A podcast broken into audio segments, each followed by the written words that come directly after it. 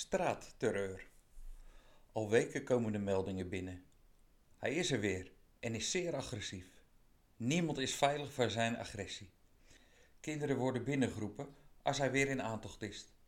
Ouderen lopen een blokje om. Honden en katten worden aangevallen en lopen met regelmaat letsel op.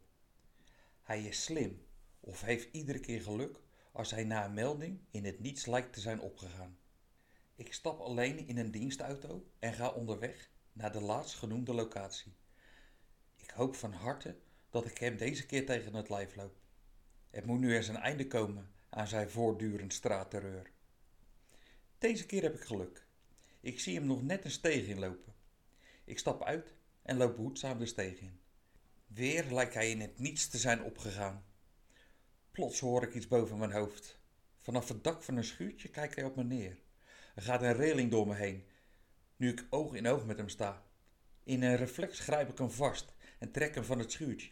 Ik duik vervolgens bovenop hem en ben vastberaden hem niet meer los te laten. Hij is sterk en met moeite kan ik hem in bedwang houden. Een buurtbewoner komt op eh, zijn gegil af en reikt mij een groot kleed aan. Nadat ik het kleed om hem heen heb gewikkeld, kalmeert hij en geeft zich gewonnen. De buurt slaakt een zucht van verlichting nu iedereen weer veilig over straat kan.